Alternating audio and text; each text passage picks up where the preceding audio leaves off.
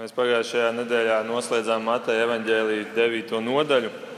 Šodien es vēlos apstīties desmitās nodaļas sākumu. Šodien es vēlos runāt par 12 nekvalificētiem vīriem, kuriem Jēzus deva šo varu, par kuru mēs mācījāmies, un sūtīja viņus pasaulē, lai viņi lietotu to. Es aicinu atveriet ar mani Mateja evaņģēlīja 10. nodaļu un izlasīsim pirmos četrus pantus. Mateja 10, 1 līdz 4. Jēzus pieaicināja savus 12 mācekļus, deva tiem varu izdzīt nešķīstos garus un dziedināt visas slimības un kaitas. Bet 12 apstuļu vārdi ir šādi. Vispirms Sīmanis, saukts Pēters, un viņa brālis Andrejs, tad Jēkabs, Zebedeja dēls un viņa brālis Jānis Filips un Bartolomejs, Toms un muitnieks Matejs, Jēkabs, Alfeja dēls un Tadejs, Kanānietis Sīmans un Jūda Iskarjots, kas viņu nodeva. Lūksim! Mīļais kungs, paldies par tavu vārdu un lūdzu dod, lai tās nebūtu tikai zināšanas, lai tā nebūtu tikai lekcija, bet lai tie varētu kļūt dzīvi lai tie varētu ierūpties mūsu sirdīs un prātos, un, un ka tie varētu izrādīties kā sēkla, kas, kas dzēn asnus un kas nes augļus pēc kāda laika. Kungs. Lūdzu, padari tu to dzīvu. To mēs lūdzam Jēzus vārdā. Amen.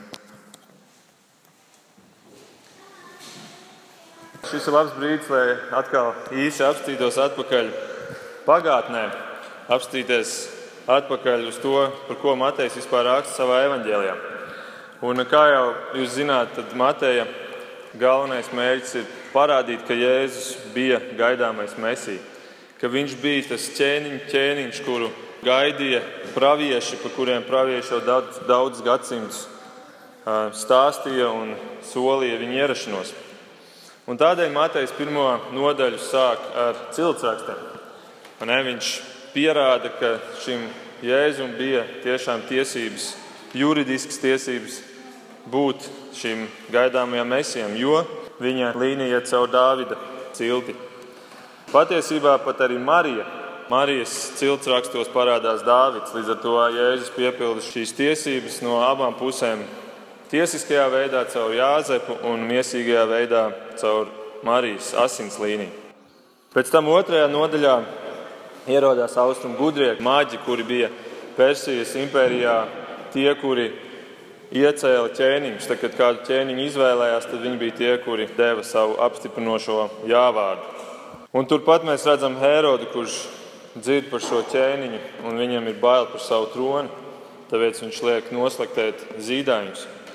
Un tad trešajā nodaļā Matejs iepazīstina ar Jānu Kristītāju, kurš ir ķēniņa vēstnesis. Kad viņi devās uz kādu pilsētu, viņiem bija vēstneši, kuri devās uz šo pilsētu pirms viņiem, lai nostātos pilsētas centrā un pasludinātu šo ziņu, kad ieradīsies ķēniņš, sāciet gatavoties. Un otrkārt, viņi bija tie, kuri salaboja ceļus pirms ķēniņš pa viņiem brauca. Un tāpēc par Jānu Kristītāju teikts, ka viņš ir saucēja balss tūkstnesī, sagatavojiet kungam ceļu, dariet līdzenas viņa takas. Un tad seko ķēniņa kronēšana, kur ierodās visi, visas trīs dieva personas vienvietā. Jēzus tiek kristīts un iecelts šajā ķēniņa amatā. Dievs redzējis šo savu dēlu 30 gadu garumā. Viņš saka, man ir labs prāts uz viņu. Viņš ir derīgs šai misijai.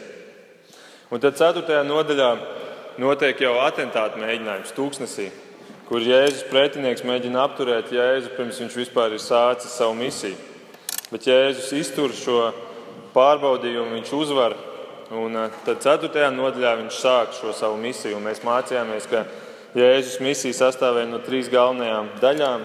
Viņš mācīja sinagogās, viņš sludināja valstības evaņģēlīju un viņš dziedināja slimos.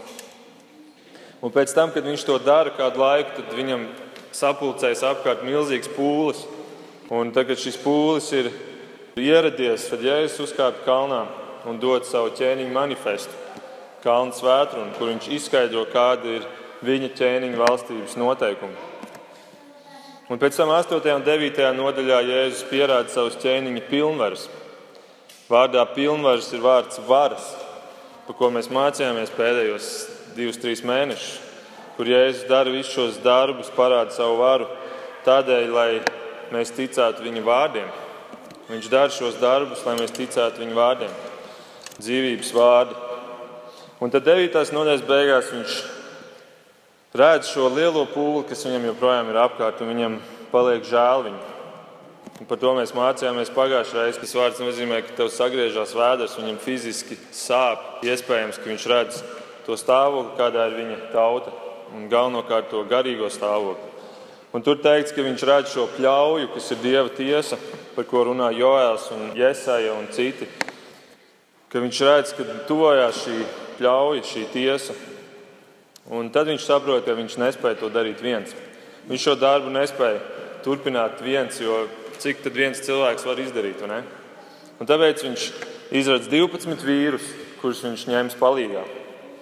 12 vīrus, kurus viņš apmācīs, un tad viņš sūtīs pasaulē, lai viņi iet un nes to vēsti, ko viņš ir devis. Un Jēzus šajā vietā iedibina to, ko mēs šodien saucam par māceklību. Tā sākās šeit, šajā Mateja desmitajā nodaļā.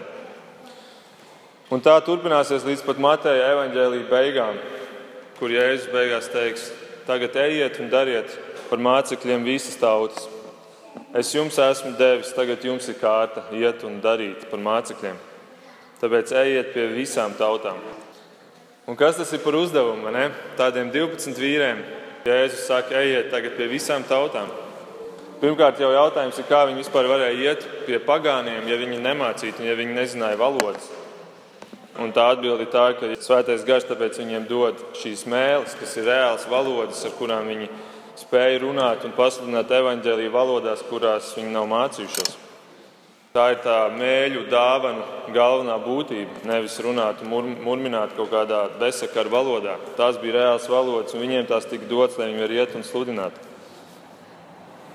Un mums varbūt liekas, ka tas aicinājums iet pie visām tautām un sludināt, ka tā ir tāda tā ir tāda jauna doma, kura dzimst šeit tikai jaunajā derībā. Bet patiesībā šī doma ir ļoti veca. Viena no vecākajām domām, kāda ir šajā pasaulē. Jo šī doma ir dzimusi ēdienas dārzā.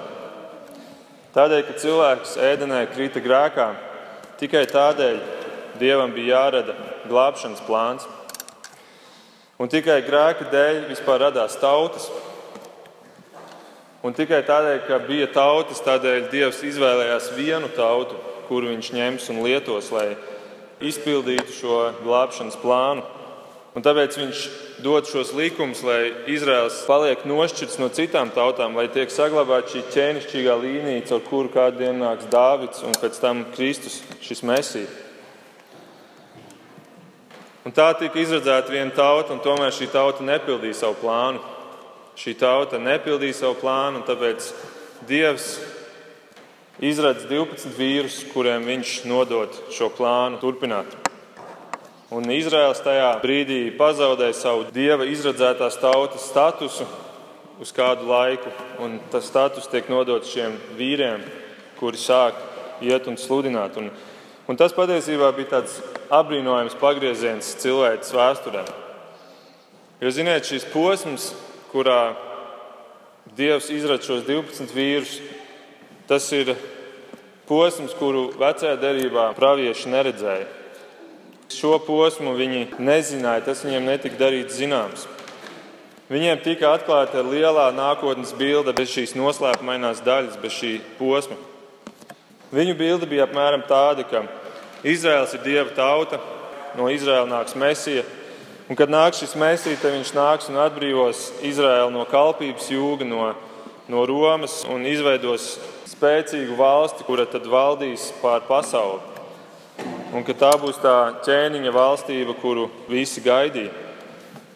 Un sākumā viss arī šķita, ka iet pēc plāna. Jēzus rāda brīnumainus darbus, viņš dziedina, viņš paēdina tūkstošiem cilvēku. Un cilvēki redz, ka jā, to spēj darīt tikai tāds cilvēks, kuram ir dieva spēks. Un tādēļ tauta viņu vairāk kārt cenšas pat iecelt fiziski par ķēniņu. Piemēram, pēc 5000 paēdināšanas viņi grib ar varu viņu iecelt par ķēniņu. Un viņš aizmūk no viņiem, lai tas nenotiktu. Un ja viņš tiktu iecelts par ķēniņu, tad viss būtu noticis pēc viņa plāna. Izraels būtu kļuvis par valsti, kurā ir tāds vadītājs, un kas izveidotos par lielu valsti, tā kā vecajā derībā ir solīts, kur 1. un 4. mūža grāmatā ir teikts, ka Izraels reiz valdīs pār reģioniem, par kuriem viņš vēl nav līdz šim valdījis. Un tā nu viss šķiet iet pēc plāna, un tomēr bija kāda problēma šajā visā. Un tā problēma bija Jēzus vēsts. Jēzus vēsts, kas bija tik atšķirīga no tā, ko viņi bija gaidījuši. Vārdi Jēzus vēstī bija smagi panesami. Un tā nu cilvēks sāka vilties, un tas viss beigās aizgāja līdz noraidījumam. Līdz noraidījumam, kā Jēzus savā līdzībā Lūkas 19 saka, Līdzpilsoņi viņu neieredzēja un sūtīja nopakaļ sūtņus, likdam sacīt: Mēs negribam, ka viņš valdītu pār mums. Mēs negribam, ka viņš valdītu pār mums. Un tas ir tas pagrieziena punkts vēsturē, kur Izraēlis ir pateicis nē šim ilgi gaidītajam ķēniņam. Un tad notiek tas, ko Pāvils apzīmē kā noslēpumu. Vārds grieķu valodā musterion, kas ir tas pats vārds kā mistērija, noslēpums.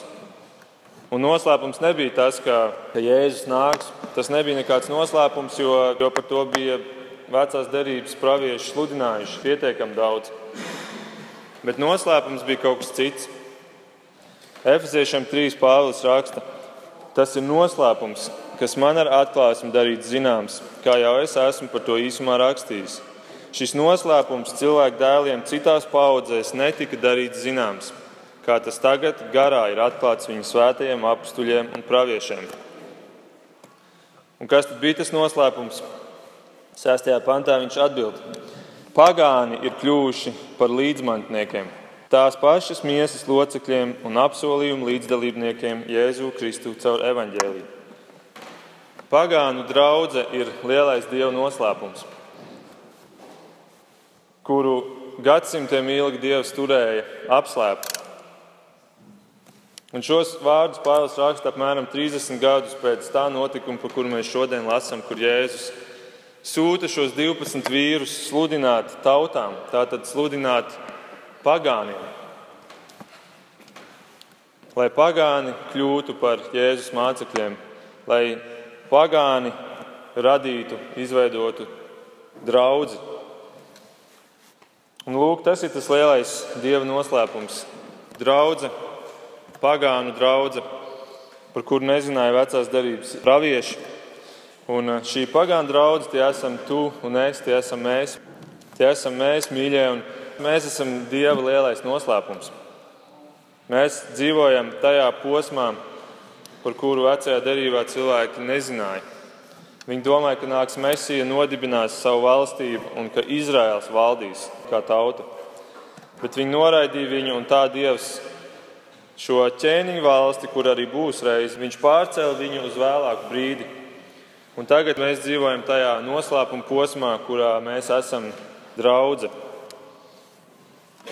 Un reiz nāks šī pati ķēniņa valstība, tā, par kuru vecās derības pravieši ir rakstījuši. Un tā būs tā tūkstošgadu miervalstība, mūsu cilvēces ēras noslēgumā. Nu, lūk, bet mēs dzīvojam noslēpuma laikmetā. Mēs dzīvojam žēlastības laikmetā un patiesībā viņu noraidījumu dēļ evaņģēlijas atnāca pie mums, pie pagāniem. Par to Pāvils raksta romiešiem 11, kur viņš saka, ka tu zars no savaļas olīvkoka esi uzpotēts to vietā, tas nozīmē Izraēla vietā, un saņēmis daļu no dārza olīvu koka saknes trēknuma. Tāpēc, kad Izraels noraidīja šo ķēniņu, Dievs paņēma viņu nost un uzpotēja mūs kā pagānu draugu, kas tagad saņem visas tās svētības, kuras Dievs bija paredzējis Izraēlam. Nu, lūk, un visu šo noslēpumu laikmetu uzsāk 12 vienkārši vīri. 12 nekvalificēti vīri, kuriem patiesībā tā reāli spriežot, bija tik niecīga varbūtība, ka tur kaut kas vispār sanāks. 12 nekvalificēti, nemācīti vīri. Un Samuēls Dikijs Gordons raksta par kādu iedomātu notikumu. Paklausieties! Jēzus atgriežas debesīs pēc savas zemes misijas, kur viņu pirmo sagaida eņģēlis Gabriels. Apskāvis Jēzu, Gabriels ved viņu pa zelta ielām un uzsāk sarunu. Viņš jautā, Kungs, tu nomiri par visu pasauli, vai ne? Jā. Tu noteikti daudz cieti. Jā, Jēzus atbild. Un vai viņi visi tagad zina, ko tu esi izdarījis viņu dēļ? Nē, Gabriela. Tikai daži Palestīnā par to šobrīd zina. Gabriels atbild, bet, kungs, kāds ir tavs plāns? Kā tu panāksi, lai visa pasaule zinātu, ka tu par viņiem visiem esi nomiris, ka tu par viņiem visiem esi izlējis savus asins? Un tad Jēzus atbild: Redzi, es lūdzu Pēterim, un Jākabam, un Jānim un Andrejam un vēl dažiem viņa draugiem, lai viņi šo pastāstīšanu citiem padara par savas dzīves darbu. Un tad tie, kuriem viņi būs pastāstījuši, tie varētu iet un pastāstīt to tālāk citiem. Un tad tie atkal tālāk citiem. Un beigās tas aizsniegs visu zemes galus, un visi zinās par evaņģēlijas spēku. Un tad Gabriels atbild: Bet ja nu Pēters pieviļ tevi, un ja nu pēc kāda laika Jānis pārstāja stāstīt citiem, un ja nu Jēkabs un Andrejs sāk kaunēties un baidīties, tad ko? Uz ko Jēzus atbild? Gabriela, man citi plāni nav. Es viņiem pilnībā uzticos. Lūk, tas ir izdomāts stāsts. Tomēr tas pareizi atspoguļo to patiesību, ar cik lielu atbildību Jēzus sūtīja šos 12 nekvalificētos vīrus. Bet viņi to ir piepildījuši, ne? Viņi to ir piepildījuši, un mēs tam esam liecība. Viņi tiešām gāja un stāstīja to citiem, un tie stāstīja tālāk citiem. Un, un tā tas turpinājās no paudzes uz paudzi, no gadsimta uz gadsimtu, un 2000 gadus vēlāk mēs esam šeit. Mēs esam šeit, un šī vēsts ir atnākusi līdz mums. Bet, ziniet, tas ir arī viens no lielākajiem apliecinājumiem, ka Dieva vārds ir tiešām Dieva vārds. Dieva vārds. Jo, ja Dieva vārdu būtu sarakstījuši cilvēki, piemēram, kādi viltus pravieši, tad viņi nekad nebūtu izvēlējušies šādu scenāriju, ar šādu komandu. Ar 12 vīriem, kur lielākoties ir zvejnieki, kuri nav mācīti, un vēl pie tam viņi ir tikai 12. Bet šis princips vijās cauri visai Bībelē. Dievs izvēlas mazos, Dievs izvēlas vājos, Dievs izvēlas nekvalificētos, lai darītu savu darbu. Piemēram, Mūzus, kuru Dievs sūta izvest savu tautu ārā, bet Mūzus nav runātājs. Viņš, viņš jūtās vājš, viņš sākumā saka, nē, es to nespēšu. Vai klasiskais piemērs Dāvids, kurš uzvar Goliātu, tāpēc ka Dāvidam bija dievs aiz muguras. Bet dievs to dara tādēļ, ka cilvēkam ir apkārt lepnuma kārta, un tie, kur ir mazi un vāji un nekvalificēti, viņiem šī lepnuma kārta ir daudz mazāka, un viņiem ir mazāk ko ņemt nost, lai vispār varētu ar viņiem sākt strādāt. Jēzus pats ieradās kā ķēniņš, ķēniņš un, un piedzima kūtī un nāca no nācerētas, kas bija mazs miestiņš. Neviens dišs vīrs nenāca no tādas vietas kā nācerētas. Bet tas mums ir iedrošinājums, ne? ka Dievs lieto vājos, mazos, nekvalificētos. Dievs lieto mani un tevi. Viņš spēja mūs lietot. Un tādi bija šie 12 vīri. Viņi iesāka vēsturē dižāko ēru, Kristus draugu, Tādēļ arī Bībele viņu sauc par pamatu mūsu ticībai, par fundamentu. Tāpēc viņi tiek saukti par apstuļiem. Un apstulis nozīmē sūtītais. Mēs savā ziņā arī esam sūtīti, bet mēs neesam apstuļi. Un neļaujieties arī sev pievilkt, šodien neviens cilvēks vairs nav apstulis. Ir cilvēki, kur apgalvo, ka viņi tādi ir, bet apstuļi bija šie vīri, kuri bija pamats mūsu ticībai, un šis nams tiek celts uz augšu, un pamats netiek likts apakšā, un tad trešajā stāvā un vēl pie jumta. Labi, bet tad īsi aplūkosim, kādi bija šie vīri. Un, protams, es jums neiešu cauri tagad par katru nestāstīšu. Mums nebūtu laika, un jūs arī vairs neko neatcerētos. Bet ļaujiet man tā īsumā pastāstīt dažas interesantas lietas par šiem vīriem. Un, uh, interesanti tas, ka viņi nebija vienkārši 12 vīri. Viņi bija sadalīti trīs grupās. Trīs grupās pa četriem vīriem, Un visās četrās vietās, kurās viņi ir pieminēti, šie saraksti ir uzskaitīti, tajās visās viņi ir vienādās grupās uzskaitīti. Vispirms tiek uzskaitīti pirmie četri, pēc tam otrie četri un beigās trešie četri. Secība mainās viņu starpā, bet nemainās grupas. Piemēram, pirmā grupa bija Pēters, Andrejs, Jākaps un Jānis, un ir atsevišķs raksturvietas, kur viņi četri kaut ko dara kopā. Piemēram, Mārka 13.3 ir teikts, kad viņš sēdēja Olīvu kalnā iepratī templim, Pēters, Jākaps, Jānis un Andrejs izjautāja viņu atsevišķi. Nu, lūk, un pirmā grupa arī tika aicināta. Pirmā, pēc tam tika aicināta otrā grupa, un beigās tika aicināta atsevišķā notikumā trešā. Un interesanti, ka mēs par pirmo grupu zinām visvairāk? Un tad mēs diezgan maz zinām par otro grupu, un eh, gandrīz neko mēs nezinām par trešo grupu, izņemot par jūdu izkarjotu, kurš bija nodevējs. Un tas mums parāda tādu dilstošu intimitāti, kas bija Jēzum ar saviem mācekļiem. Ka pirmā grupa bija tas pirmais aplis, kas viņam bija vistuvāk, un pēc tam bija otrais aplis un trešais aplis.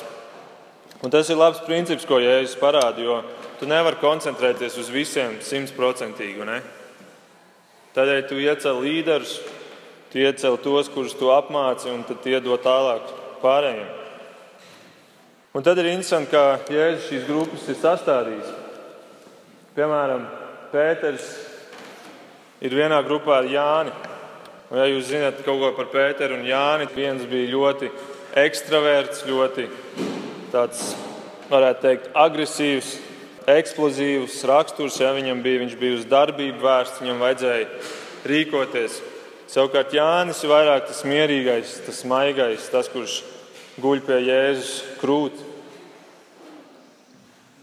Būtu interesanti redzēt, kā viņi sadzīvoja tajā kopīgajā grupā. Otrajā grupā, piemēram, bija Bartolomejs, kurš bija kurš arī saukts Natanjēls, par kuru ir teikts, ka viņš ticēja. Viņš bija tas, kurš ticēja, viņam nevajadzēja pierādījumus, viņš nešaubījās. Viņš bija tas ticīgais, un viņš ir vienā grupā ar Tomu. Toms, tas skeptiķis, kuram visu vajadzēja pierādīt, kuram vajadzēja sataustīt, lai viņš varētu ticēt, aptaustīt Jēzus brūces. Un tad tur vēl ir Matejs un Sīmans Kanānietis. Matejs ir, kā jau mēs mācījāmies, tas nodevējs, tautas acīs. Tas muitnieks, kurš ir Romas iecelts, bijis, strādāja pret savu tautu, izspieda nodevas un, kā mēs runājām, zemākais slānis Izraēlas sabiedrības acīs. Savukārt Sīmanis Zēlots, jeb kanānietis, Zēloti bija tie nacionālisti, tie bija tie patrioti, kur gāja ielās, lai stātos pretī okupācijai. Un šie abi vīri ir vienā grupā. Nezinu, ja viņus pārāk tuvu palaist kopā, tur varbūt rastos zināmas problēmas. Tad mēs redzam, šajā grupā ir politiskas atšķirības, ir emocionālas atšķirības, ir garīgas atšķirības, un tomēr tāds bija Jēzus plāns. Un tas mums ir varbūt, arī tāds iedrošinājums mūsu dzīvē, ka varbūt, varbūt mums ir grūti sadzīvot ar savu sievu, ar savu vīru. Varbūt mums ir grūti sadzīvot ar kādiem cilvēkiem, kuri mums ir ikdienā blakus. Un tomēr mēs varam būt droši, ka Dievs zina, ko Viņš dara, un Viņš zina par to, kas notiek mūsu dzīvēm, jo nekas nenotiek bez Viņa ziņas. Un tāpēc varbūt mums nevajadzētu to vienmēr uztvert kā tādu lāstu un kā tādu dzīves apgrūtinājumu. Bet varbūt Dievs tādā veidā vēlēs mums nest svētību. Es pats zinu no savas dzīves par šādiem posmiem, kad es esmu izgājis cauri un es saprotu, ka tajā laikā es uzdevu tādus jautājumus, kādus es nekad neuzdotu, tad, ja es būtu kopā ar cilvēkiem, ar kuriem es saprotos labi. Un es nebūtu nekad iemācījies to, ko tu iemācījies tad, kad tu esi ļoti atšķirīgiem cilvēkiem blakus. Un tā arī mācekļi, viņi bija krāsains bariņš, bet Jēzus plānā viņi tomēr bija derīgi. Un no šiem 12 vīriem mēs par lielāko daļu zinām ļoti maz. Par dažiem mēs kaut ko zinām. Mēs zinām par jūdu izkarjotu, kurš bija nodevējis. Mēs zinām par Tomu, kurš neticēja, kuram vajadzēja redzēt, aptaustīt. Mēs zinām par Jāni, kurš ir sarakstījis vēstules un evaņģēliju un atklāsmes grāmatu. Mēs zinām par Mateju muitnieku, kurš pameta savu karjeru, lai paklausībā sekot Jēzum. Un šo to mēs zinām par citiem. Tomēr par vienu no viņiem mēs zinām ļoti daudz. Šis vīrs ir viņa līderis. Tas ir tas līderis šai grupai, un tas ir Pēters Sīmans. Pēters bija tas līderis, kurš arī šeit tiek saukts pirmais. Un, ziniet, viņš tiešām bija līderis, un viena no līdera pazīmēm ir, ka tu uzdod jautājumus. Ja tu uzdod jautājumus, tad tu audz un tu virzies uz priekšu. Ja tu neuzdod jautājumus, tas nozīmē, ka tev īpaši neinteresē. Tu līdz ar to nespēsi izprast lietas, un tu arī nebūsi priekšā citiem. Un, ja tu vēlēsies atrast kādu līderi, tad meklē cilvēku, kurš uzdod jautājumus, kurš vēlēs saprast. Un Pēters uzdeva jautājumus. Jaunās derības pierakstos Pēters uzdod vairāk jautājumu nekā visi mācekļi kopā. Piemēram, kad Mateja 15. jēzus izstāsta sarežģītu līdzību, tad tas kurš no mācekļiem lūdz to izskaidrot, ir Pēters. Viņš saka, izskaidro to mums. Pārējie iespējams tur vispār nesaprata, kas notiek. Viņi tur stāvēja blakus un brīnījās, un nemaz nemēģināja pārjautāt Jēzum. Bet ne Pēters, nē, Pēteram ir jāsaprot. Un Pēters saka, izskaidro to mums. Izskaidro to nevis man, bet mums. Viņš jau uzņemās šo, šo atbildību par visu grupu. Kādā citā reizē Pēters ir tas, kurš pārjautā, cik īsti reizi mums ir jāpiedod Jēzu. Cik reizi man jāpiedod? Septiņas reizes. Pēters vēlēs saprast. Jēzus viņam atbild, nē, septiņas reizes, septiņas, 490 reizes Pēters. Vai arī, kad Jēzus liek novīt vīģis kokam, tad Pēters ir tas, kurš vēlēs saprast, kādēļ tas bija. Kādēļ tas notika? Kad Jēzus Pēterim atklāja, ka Pēterim reiz būs jāmirst mocekļu nāvēm, viņš jautā, bet kā būs ar Jāni? Jēzus atbild, tā nav tava darīšana, Pēter. Pēterim bija arī ļoti praktiski jautājumi. Piemēram, Matei 19. viņš jautāja Jēzum, redzi, Jēzu, mēs esam visu atstājuši un esam tev sekojuši. Kas mums būs par to? Viņš vēlējās saprast, uz kurien tas viss virzās kāds ir ieguvums tam, ko mēs te darām, un kādas ir izmaksas. Un Pēters ir labs piemērs arī mums. Mums arī vajadzētu būt tiem, kuri, kuri uzdod jautājumus, kuri meklē un vēlās saprast, kuri vēlās augt atziņā par Dievu. Jo jau Dievs ir tas, kā mēs dziedājām dziesmā, kuru vienīgo mēs mīlam. Hozēja 6,6 Dievs saka, Man patīk Dieva atziņa, nevis sadedzināmie upuri. Man patīk Dieva atziņa. Jo Dievu atzīt un mēģināt saprast, tas ir tas, ar ko tu pierādi, ka tu tiešām viņu mīli, ka tev tiešām viņš rūp. Tāpēc arī mums vajadzētu būt tiem, kuri nevis samierinās, bet kuri uzdod jautājumus, kuri lasa Dieva vārdu un mēģina to saprast. Tāpēc, tad, kad jūs lasat Dieva vārdu, nelasiet vienkārši cauri un pieņemiet visu, pat ja jūs nesaprotat. Pierakstiet, uzdodiet jautājumus tiem, kuri jums varbūt var dot atbildes. Meklējiet, mēs dzīvojam laikmetā, kurā mums vairs nav attaisnojuma nezināt. Audziet atziņā un, un rakstiet jautājumus uz lapiņām. Mums tur aizmugurē ir kastīte ar lapiņām, kur var mest iekšā jautājumus. Un šis pats Pēters, 1. pētera 3.15. raksta, esiet vienmēr gatavi atbildēt ikvienam, kas prasa jums paskaidrojumu par cerību, kas mīt jūsos. Esiet gatavi atbildēt cilvēkiem. Un kā jūs būsiet gatavi? tad, ja jūs uzdosiet pareizos jautājumus un paši mēģināsiet saprast. Lūk, tāds bija šis līderis Pēters. Un mācekļi ne tikai saņēma no Jēzus ietekmi, bet viņi saņēma arī no šī Pētera, kurš uzdeva jautājumus, mēģināja saprast un deva to pēc tam tālāk. Tāds ir māceklības pamats - mācīties un uzdot jautājumus un augt tā, lai tu kļūsti stiprāks un lai tu vari pēc tam palīdzēt celties citiem. Un, ziniet, tieši tāpēc es arī domāju, ka Dievs ir radījis tik daudzus paradoksus Bībelē. Tieši tādēļ, lai mums nebūtu tāds vienreizējs kurs, ko mēs izējām, un tad mums viss ir skaidrs, tad mēs varam Bībeli nolikt malā un dzīvot savu atlikušo dzīvi ar tām zināšanām, kuras mēs esam ieguvuši.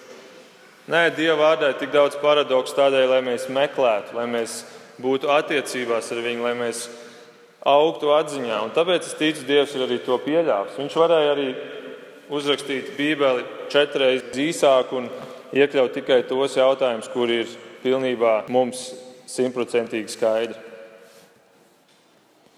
119. psalmā, 66. pantā ir teikts, māci man visu pareizi saprast un atzīt. Kaut tā būtu mūsu lūgšana. Māci man visu pareizi saprast un atzīt. Šis stāvoklis, kurā kristietis aug, tas ir tik svarīgs stāvoklis, ka viņš nesamierinās ar to, kā viņš ir, ka viņš turpina augt. Un Lūijas Holts ir teicis, šajā pasaulē tu vai nu audz, vai arī tu mirsti. Un tāpat ir ar garīgo. Tu vai nu audz, vai tu mirsti. Šie 12 vīri bija nemācīti, bet viņiem bija līderis, kurš mācījās un kurš vilka viņus līdzi. Bet, ziniet, tajā Hozeja 6.6, kur Dievs saka, man patīk atziņa, Dieva atziņa, tur ir vēl viens teikums. Tur ir rakstīta vēl viena lieta, kas Dievam patīk. Uzticība man patīk, nevis upuris. Uzticība. Un tā ir tā otrā lieta, ko es vēlos noslēgumā vēl pieminēt par šiem mācekļiem. Viņi bija uzticīgi līdz galam. Pat tad, kad sekot Kristum kļuva sāpīgi un neizdevīgi un pat nāvējoši, viņi bija uzticīgi līdz galam. Un es vēlos noslēgumā jums pastāstīt šo 12 vīru dzīves beigu stāstus.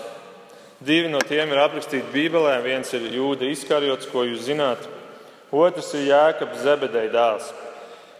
Un par viņu rakstīts apstuļu darbos, kur ir teikts, ka Hērods lika viņam mirt no zobena, kas nozīmē galvas nociršanu. Bet, ziniet, tradīcija vēsta, ka viens no viņa sargiem, romiešu kareiviem, kurš veda viņu uz šo nāves soda izpildi, bija tik ļoti pārsteigts par jēkaba deksmi, par viņa pastāvību, par viņa drosmi, ka viņš turpat blakus viņam nokrita ceļos nožēloja savus grēkus, lūdza viņam atdošanu par to, kādu netaisnību viņš bija darījis šim jēkabam.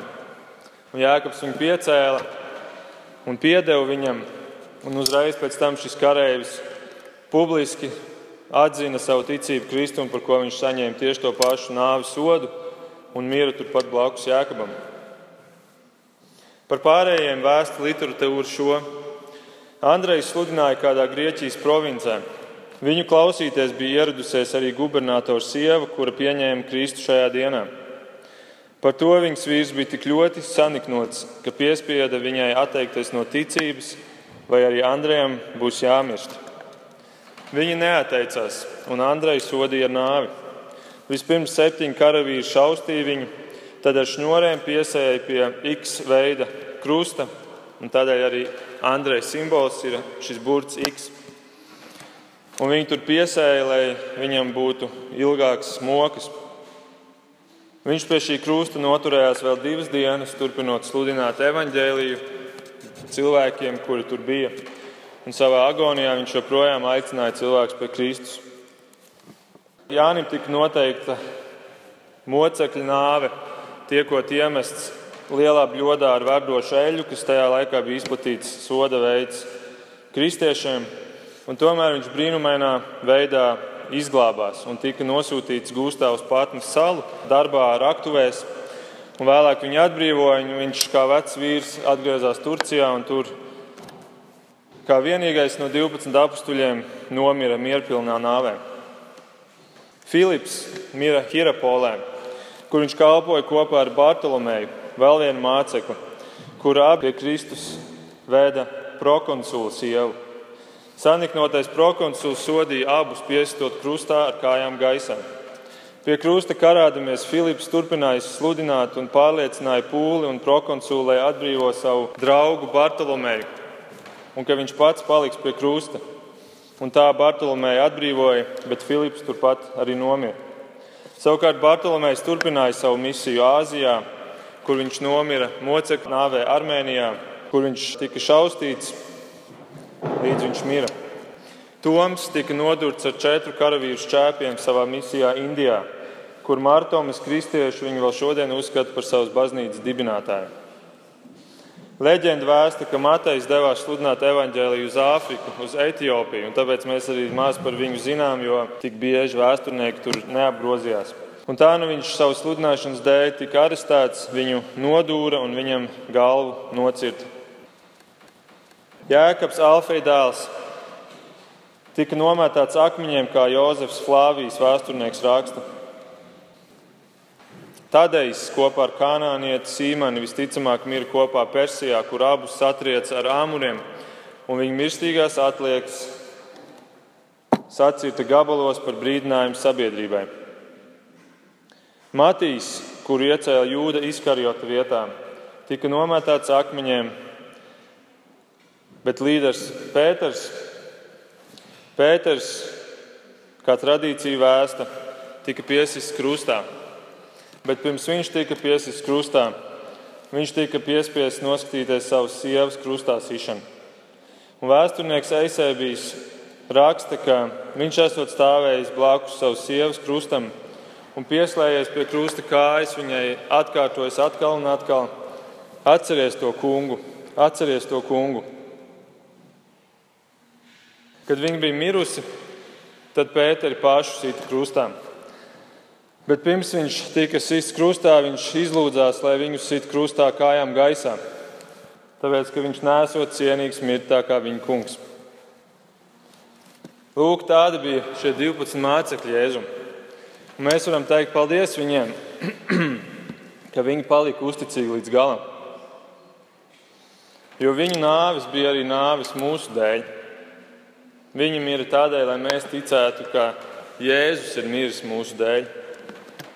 Un ka šis Jēzus ir augšām cēlies. Un, ziniet, ar savu uzticību viņi ir devuši vienu no vislielākajiem pierādījumiem, ka Kristus vēsts ir tiešām patiesa, jo viņi ticēja, ka Kristus tiešām ir augšām cēlies. Ja viņi nebūtu ticējuši, tad viņi nemūžam nebūtu gājuši nāvē, mokpilnā nāvē un gatavi mirt, jo cilvēki nav gatavi mirt par meliem. Viņi ticēja, un viņi ar šo savu dzīvi un ar šo savu nāvi to pierādīja, lai mēs ticētu, ka viņi nes vēsti, kurai ir uzticama. Nu, lūk, tā nu šie 12 vīri bija Jēzus vienīgais plāns, un viņi izpildīja šo plānu. Un tikai tādēļ mēs šodien varam šeit sēdēt Vīlandē. Bet tas plāns joprojām ir spēkā arī šodien. Paudzes pēc mums atskatīsies uz šo laikmetu, un no tā, kas notiek šajā laikmetā, ir atkarīgs, vai viņi pazīst Kristu.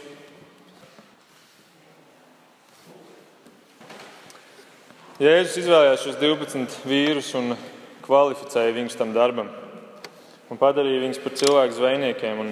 Kāds pareizi teicis, Dievs aicina nekvalificētos un kvalificē aicinātos. Lūksim. Mīļais kungs, paldies par, par to, ka tu nāc šajā pasaulē un paldies, ka tu aicināji mācekļus, ka tu viņus veidi šajā pasaulē, lai šī vēsts atnāk līdz mums šodien. Paldies, ka tu viņus izvēlējies un ka tu viņiem devi šo varu ka tu viņiem devi izturību, ka tu viņiem devi spēku, ka tu viņiem devi mīlestību uz tevi un ka viņi gāja līdz savai, savam pēdējam elpas vilcienam, sludināja par tevi. Un paldies, kungs, ka šī vēsts ir atnākusi līdz mums, šī tik ļoti vērtīgā vēsts. Kaut mēs to novērtētu tik augstu un ka mēs to redzētu kā to lielāko dārgumu mūsu dzīvē, ka mēs viņu dotu tālāk citiem. Lūdzu, iededz mūsu sirds, ka tu varētu darboties caur mums. To mēs lūdzam Jēzus vārdā. Amen.